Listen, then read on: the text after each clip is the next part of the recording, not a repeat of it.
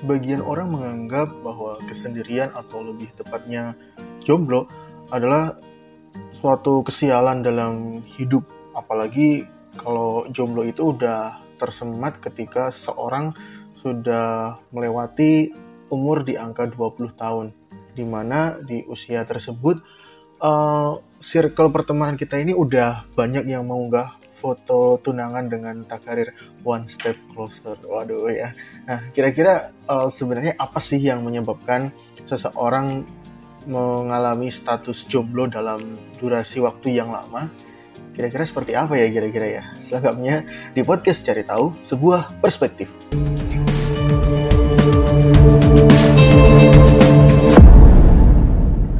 Assalamualaikum warahmatullahi wabarakatuh. Ya, oke. Okay. Kali ini aku kembali lagi menemani para noise, Anchormania, dan juga mungkin sebagian mendengar di Spotify.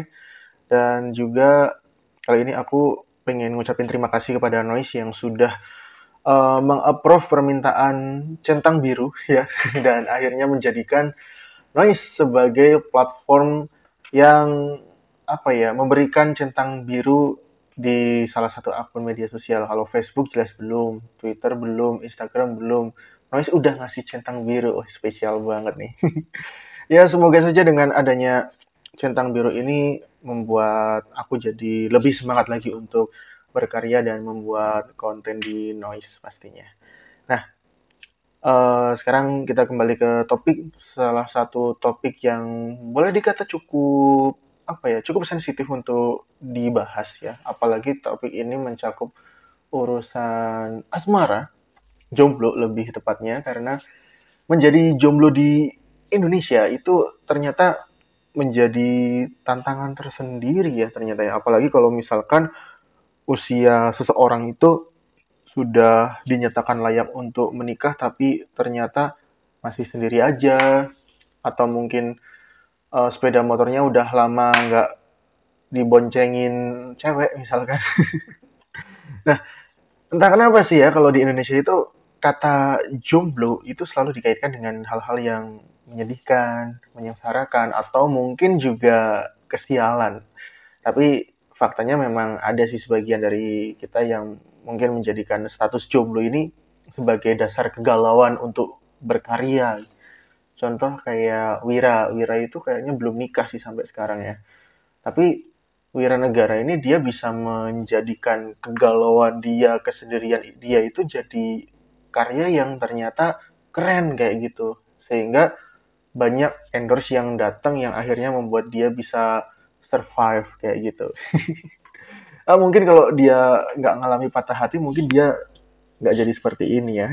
Tapi uh, faktanya memang gimana ya nggak nggak selamanya jomblo itu bahagia sih. Iya tetap kalau menurut aku sendiri memang udah fitrahnya manusia itu punya pasangan gitu. Kecuali bagi mereka yang memilih untuk tidak menikah misalnya. Nah uh, akhirnya banyak orang yang melakukan beragam upaya ini demi mendapatkan pasangan. Misalkan kalau di agama Islam mungkin ada yang menjalani ta'aruf atau mungkin juga aktif di berbagai kegiatan sosial nih. Harapannya ada yang nyantol gitu ya, ada yang ketemu, ada yang satu seksi gitu, seksi bidang maksudnya. Atau mungkin ada kegiatan apa yang mengharuskan kita buat berinteraksi dengan lawan jenis dan ternyata hal itu yang membuat kita jadi akrab gitu dan akhirnya kontek-kontekan karena masuk dalam grup WhatsApp terus modus tanya nanti acaranya mulai jam berapa terus tanya lagi nanti kamu ada yang boncengin nggak? Kalau nggak ada aku boleh dong aku dijemput. Aduh udah mulai boncengan kayak gitu biasanya udah mulai akrab. Terus akhirnya di luar acara janjian ketemuan janjian ketemuan terus mulai deket akhirnya pacaran dan mungkin hubungannya kandas karena sesuatu hal. Ngenes ya. Ya. Tapi uh, sekarang aku pengen ngajak nih buat para noise kira-kira apa sih yang menyebabkan seorang ini jomblo bahkan sampai mendapatkan gelar sarjana jomblo gitu ya alias jomblo udah empat tahun mungkin ada yang 8 tahun ya itu kalau kuliah udah do gitu nah di sini uh, setidaknya oh, jomblo ini sebabnya ada dua faktor ya teman-teman yang pertama ini faktor internal yaitu faktor dalam diri Lalu yang kedua ada faktor eksternal atau faktor yang ada di luar diri. Nah, kali ini aku mau bahas dulu di faktor internalnya. Faktor internal ini biasanya berhubungan uh, sama diri kita sendiri yang membuat jodoh kita itu nggak dekat-dekat gitu. Misalkan kita orang yang kurang pede, kurang percaya diri, bahkan kita nggak punya cukup nyali untuk sekadar berkenalan dengan lawan jenis yang membuat kita tertarik gitu. Jadi itu ada cewek dan kita seneng, tapi ternyata nggak berani kenalan gitu, misalkan kayak gitu. Atau uh, diri kita sendiri yang ternyata terlalu tertutup dengan pergaulan di luar gitu, sehingga ya nggak punya pilihan kayak gitu. Misalkan apalagi kemarin waktu lagi sering WFO, WFH kayak gitu, jarang berinteraksi dengan dunia luar yang akhirnya ya interaksi kita bukan dari hati ke hati tapi dari jempol ke jempol ya.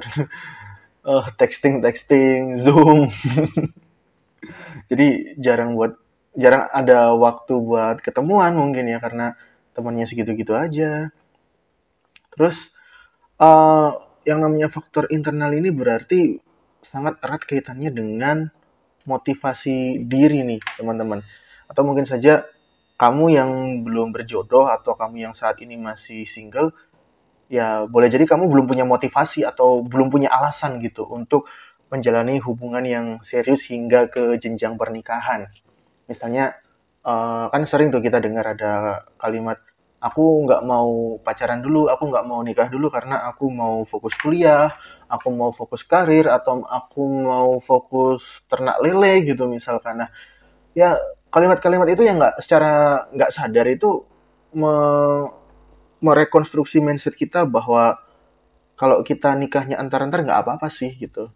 Ya it's okay gitu menunda pernikahan memang salah satu hal yang disarankan kalau memang kita belum siap. Tetapi kalau hal itu dilakukan secara terus-menerus ya wajar kalau misalkan kamu akan menjadi sarjana jomblo gitu. Bisa jadi kamu jomblo selama empat tahun misalkan. nah, uh, selain itu faktor internal juga berpengaruh dalam hal ideal diri nih teman-teman. Jadi uh, bisa dikatakan setiap orang itu punya versi idealnya masing-masing. Yang artinya ideal adalah hal yang relatif dan ini erat hubungannya dengan yang namanya kriteria atau ya tipe gitulah ya.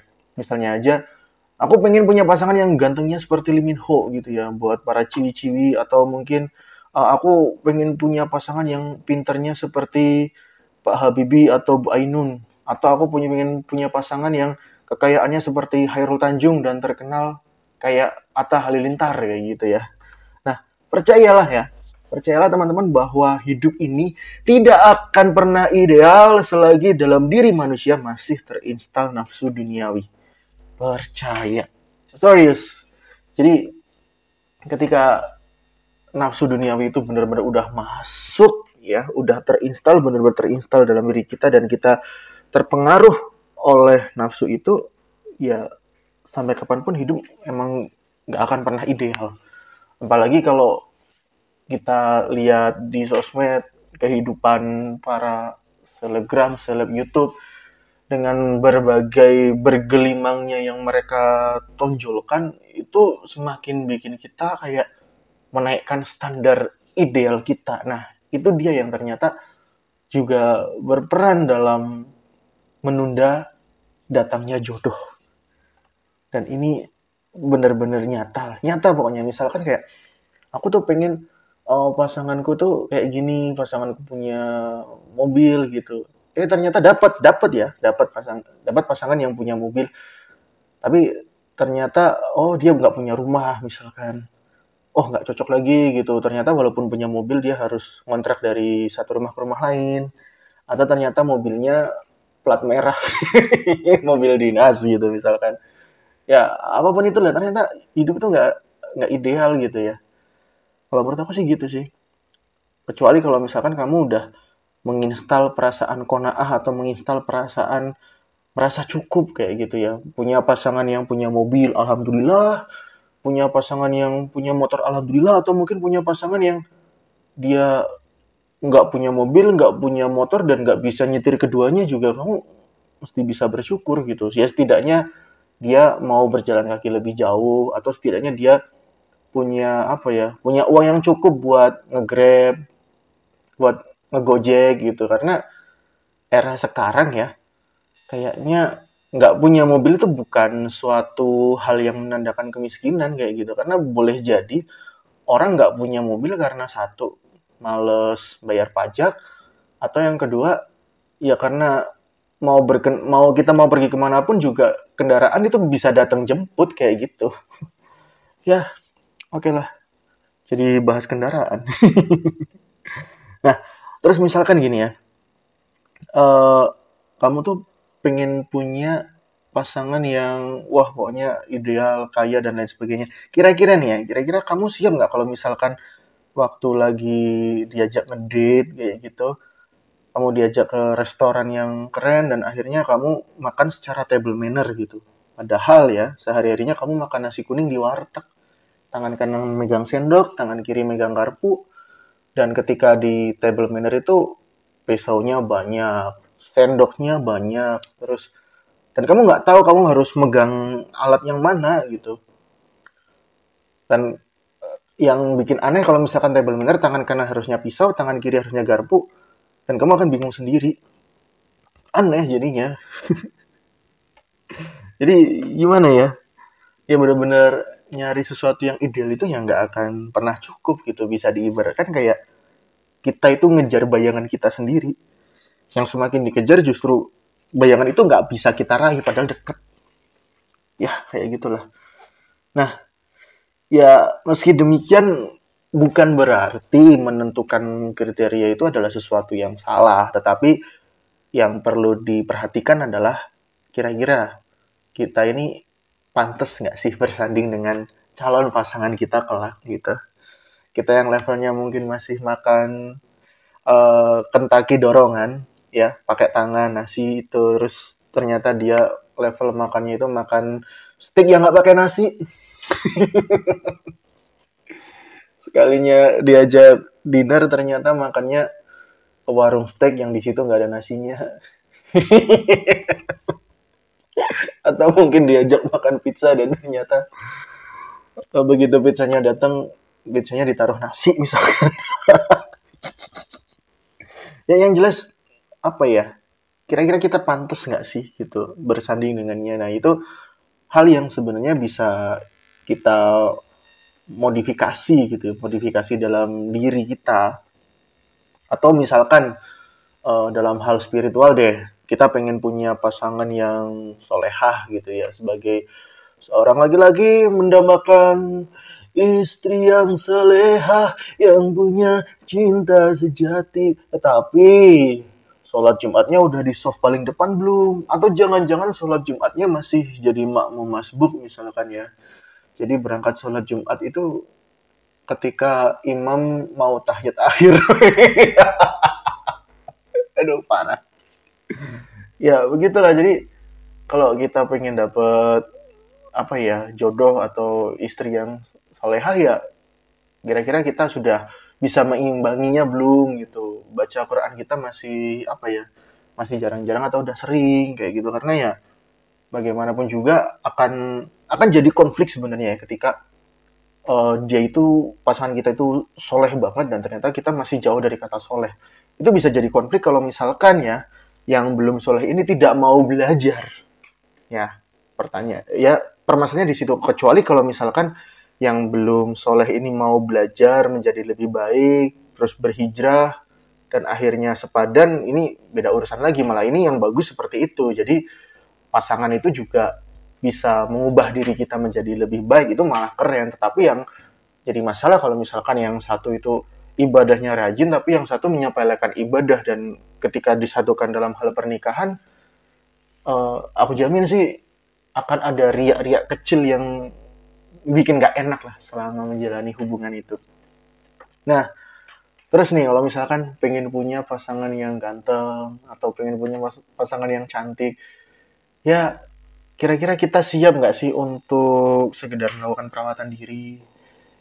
Kayak gitu misal, ya sebenarnya bukan masalah ganteng atau enggaknya, bukan masalah glowing atau enggaknya, kira-kira kulit kita apa ya, mau nggak kulit kita tuh dirawat dengan biaya yang mungkin nggak sedikit, bahkan sampai ada yang rela suntik vitamin C. Katanya suntik putih padahal sebenarnya itu bukan buat memutihkan itu hanya se hanya mencerahkan aja sih. Jadi kulitmu hitam ya udah hitam aja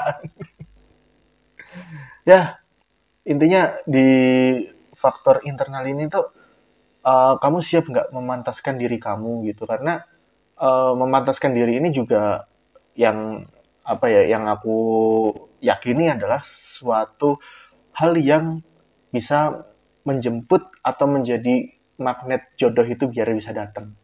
Ya kayak gitu sih. Jadi misalkan kita ubah sikap kita ubah apa ya cara berbicara kita ubah cara pemikiran bahkan kalau perlu ubah cara mengelola keuangan juga gitu sih nantinya yakin lah, yakin aja jodoh itu akan datang kalau udah memang waktunya datang gitu ya. Entah dengan cara apa ya terlibat di suatu kegiatan atau mungkin ketemu di angkot atau ketemu waktu lagi takziah kan nggak tahu ya. Ya yang jelas itulah uh, pantaskan diri dan pokoknya jangan inilah ya, jangan kuper lah ya nyari jodoh tuh. Jadi mesti apa ya kita mesti punya rasa percaya diri yang agak lebih gitu. Biar kita bisa milih juga jodoh kita mau kayak apa. Oke selain itu yang faktor selanjutnya adalah faktor eksternal nih teman-teman. Yang artinya uh, faktor ini adalah faktor yang ada di luar kendali kita. Kalau kayak tadi misalkan kita kurang percaya diri kita mungkin kurang soleh terus kita kurang kaya misalkan kalau kekayaan masih bisa kita ubah kita bisa kerja keras trading judi online astagfirullahaladzim. Enggak enggak kalau yang terakhir enggak lah ya. Jangan jangan sampai. Jangan sampai. Hmm, karena enggak berkah. Tidak ada sejarahnya orang kaya dari berjudi. Aduh enggak ya karena di Amerika sana judi bukanlah profesi ya. Jadi di Indonesia please lah. Yang main judi online tobat tobat karena nggak bikin kayak enggak oke balik ke topik ya. Faktor eksternal ini itu erat kaitannya dengan hal yang ada di luar kendali kita. Misalkan contoh restu orang tua terus dari faktor pasangannya juga kira-kira pasangannya mau bertahan dengan diri kita atau enggak gitu. Atau mungkin waktu itu masih calon pacar kayak gitu ya yang udah deket-deket udah makan berdua udah antar jemput kayak ojek eh ternyata dia udah tunangan sama orang lain. Ya. Ya. Ya yang jelas ini apa tapi bukan berarti sih hal ini juga bisa kita ubah ya. Karena saling terkait sebenarnya faktor internal dan faktor eksternal ini untuk urusan perjodohan. Nah, misalkan nih, misal uh, katanya kamu belum pacaran deh, kamu masih fase pendekatan, baru aja kenal, ya pastilah ada ikhtiar dikit lah. Misal kayak ketika datang ke rumahnya, mungkin kamu bawain apa kayak roti bakar, martabak kayak sesuatu yang klise gitu ya.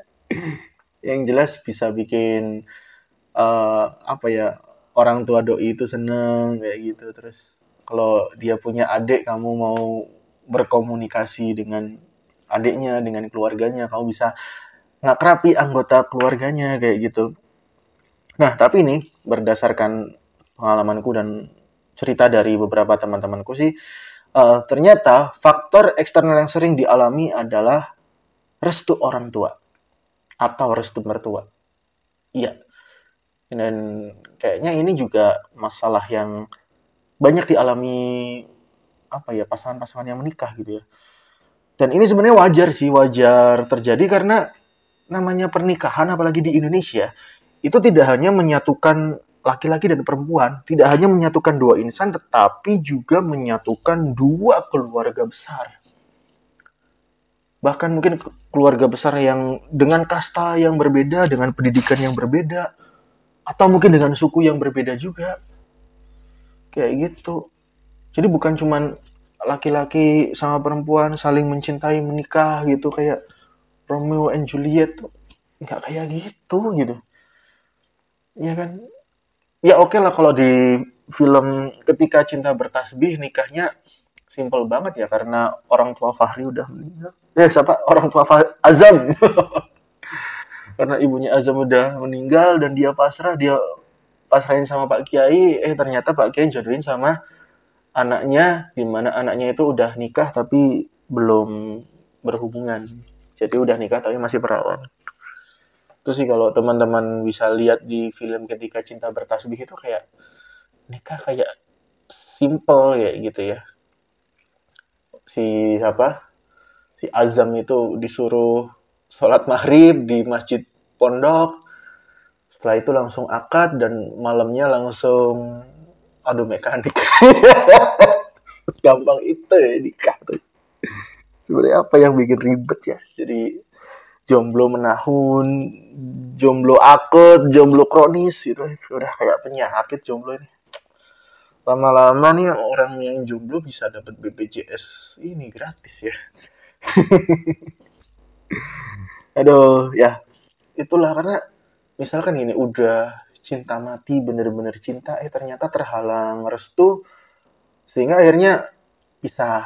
Belum sempat pacaran udah disuruh jauh-jauh lah sama dia karena mungkin nggak sepadan atau nggak sesuai atau apalah kayak gitu. Dan ini apa ya masalah yang bener-bener klasik ya klasik terjadi. Sampai ada lagu ojo dibanding ke ya.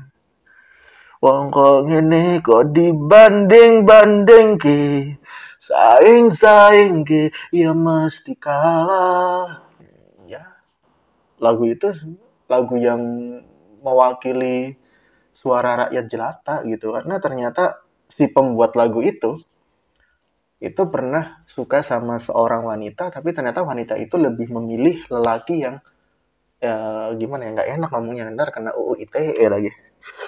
Ternyata wanita yang dia sukai itu memilih orang yang pakai seragam lah intinya gitu lah. Eh, entah seragam apa apa pun lah ya. Nah inilah gitu itu yang terjadi di kehidupan di Indonesia bahwa ternyata orang yang punya seragam punya jabatan punya kekayaan yang di atas standar itu ya mempermudah untuk mendapatkan jodoh gitu gitu. Ya mau gimana lagi? Ya tapi sekali lagi love is blind. Itu ada benarnya sih. Walaupun ya dalam beberapa kasus cinta itu bisa membedakan nih mana yang Satria FU, mana yang Aerox, mana yang Honda Beat ya. Bisa bedain mana ATM BRI dan ATM BCA dan bisa ngebedain mana yang di apa ya di bahunya ada pangkat atau mungkin dia yang kerjanya kawasan. Ya begitulah. Karena ada beberapa orang yang memang dia punya ketertarikan dengan seseorang yang pakai seragam gitu. Karena dianggapnya dia ini disiplin dia ini rapi dia ini mapan punya apa ya punya jaminan di hari tua misalkan kayak gitu Ya, tapi yang jelas gini, restu orang tua atau restu calon mertua itu sebenarnya sangat penting banget. Penting banget. Kenapa? Karena mereka adalah orang yang telah berjasa karena telah membesarkan, menyekolahkan dan merawat ketika kita sedang sakit, kita sedang nggak berdaya kayak gitu. Jadi mungkin mereka juga nggak rela kalau anaknya ini bersanding dengan seseorang yang mungkin dalam tanda kutip tidak sesuai dengan kriterianya. Tapi gini, boleh jadi uh, tidak adanya restu dari orang tua ini justru jadi sebuah ujian yang kita harus lewati gitu. Apalagi kalau misalkan cintanya udah serius, udah eh, ibaratnya udah nggak ada pilihan lain lah pokoknya maunya sama dia gitu. Kalau nggak sama dia nggak. Dan dia juga sama-sama suka gitu. Dia juga apa ya tidak ada cowok lain yang naksir misalkan tidak ada orang lain yang naksir dan cuman berdua ini doang yang emang udah saling cinta lah. Ya tapi gimana lagi? Kalau udah cinta ya ibaratnya kalau udah cinta itu ngelewati gunung aja masih bakal dikejar, masih bakal dilewati. Sehingga kalau misalkan nih ya, kalau saran gue sih ya, kalau urusan asmara ini masih terkendala oleh restu orang tua ya, kalau menurut aku sih dikomunikasiin dulu sih secara baik-baik. Karena seorang anak yang sudah melewati umur 20 tahun ya, apalagi dia sudah punya penghasilan, dia berhak kok untuk menentukan pilihannya sendiri kayak gitu sih. Karena ya nantinya kan setelah menikah ya setelah menikah itu ya tanggung jawab orang tua sama anak bisa dikatakan lepas kayak gitu. Jadi kalau kalau misalkan kamu itu udah punya penghasilan minimal kamu bisa apa ya bisa menafkahi calon pasanganmu it's okay ya udah. Perjuangin perjuangin dia sampai apa ya ya sampai ke penghulu. Perjuangan dia sampai ke KUA gitu. Karena apa ya boleh jadi karena orang tua kita itu juga manusia biasa punya salah dan orang tua kita juga punya nafsu juga punya nafsu duniawi.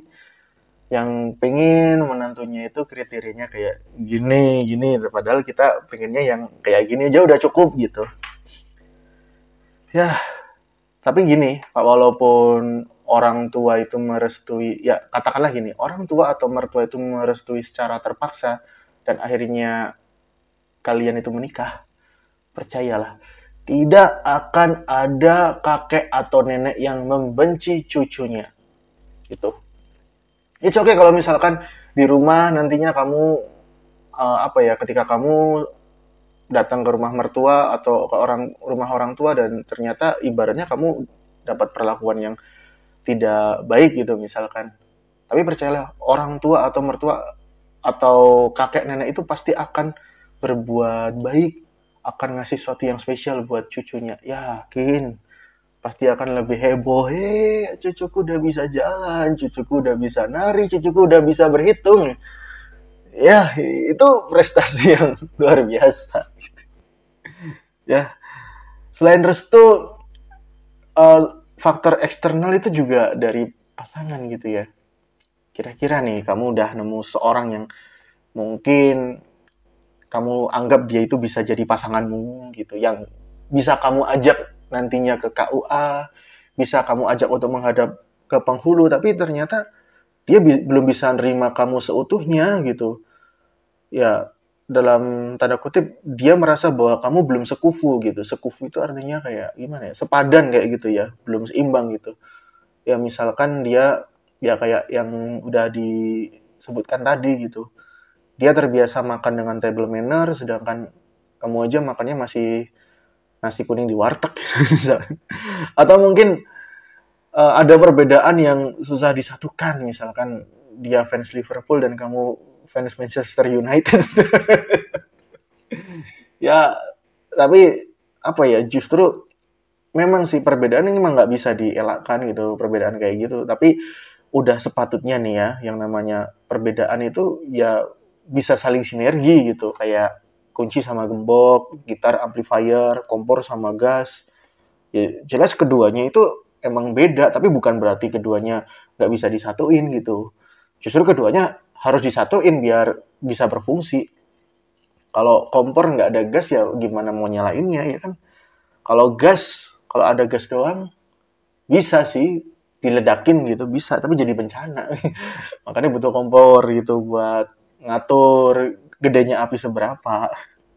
Nah kira-kira nih ya uh, di sini kamu harusnya bisa mengkaji nih ketika kamu udah deket sama seseorang, entah itu pacar, entah itu apa ya pasanganmu yang masih dalam status ta'aruf atau dia yang hanya sekedar deket nih ya?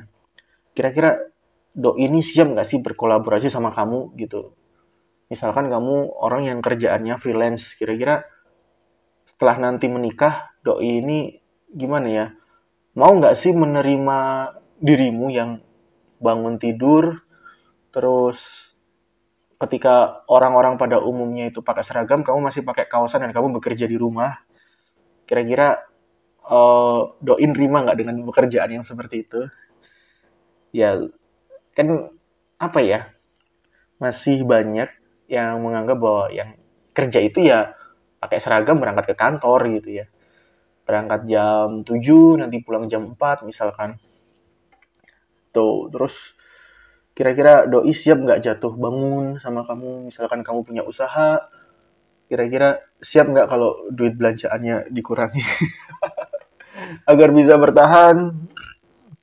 Atau mungkin kira-kira siap nggak benar-benar berjuang dari bawah gitu? Karena urusan pernikahan itu kan bukan cuman senangnya doang tetapi juga komitmen untuk tetap setia walaupun kondisi lagi nggak baik-baik saja.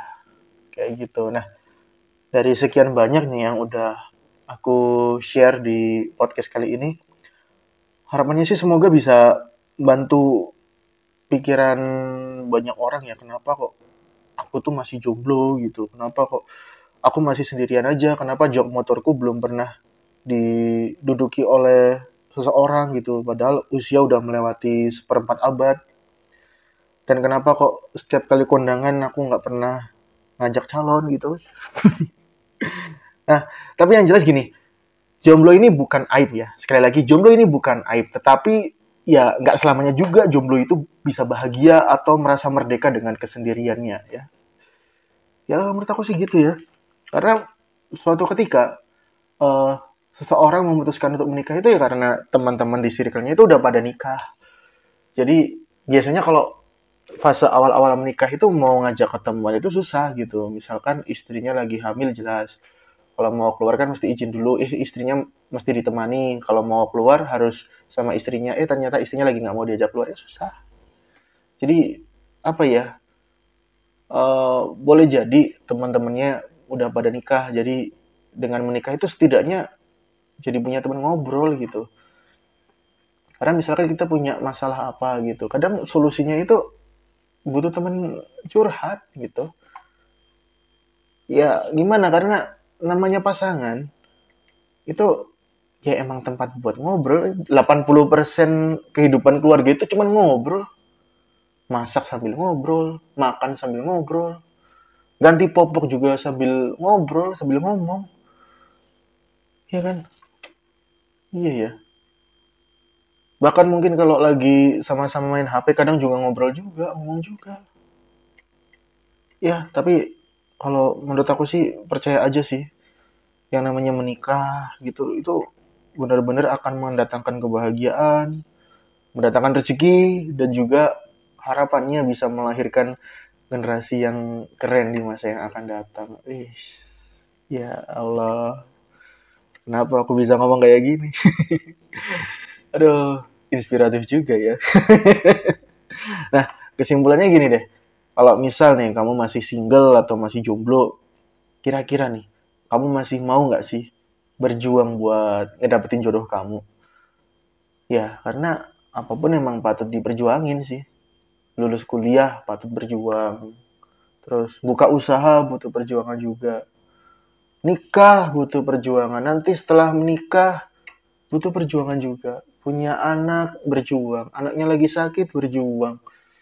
Terus apalagi anaknya nanti kuliah berjuang. Anaknya menikah berjuang juga. Ya memang bener kalau hidup tuh perjuangan. Jadi buat kamu nih yang masih single, yang masih jomblo, pilihannya sih sebenarnya cuma ada dua sih. Kamu sabar dan kamu terima status kamu atau kamu mau nggak kalau apa ya tetap berjuang buat ngedapetin jodoh kamu kamu mau nggak berjuang menjadikan orang tuamu dan orang tuanya itu berada dalam satu panggung? Kamu mau nggak berjuang ya? Menjabat tangan pak penghulu mengucapkan saya terima nikah dan kawinnya dengan mas kawin tersebut dibayar tunai. Ya ternyata syarat nikah itu sebenarnya mudah sih sebenarnya mudah gitu. Tapi di Indonesia itu yang yang mudah itu dibikin ribet. Oke deh, sekian dari aku. Harapannya semoga yang belum berjodoh bisa segera menemukan jodohnya di waktu yang tepat. Akhir kata, wassalamualaikum warahmatullahi wabarakatuh.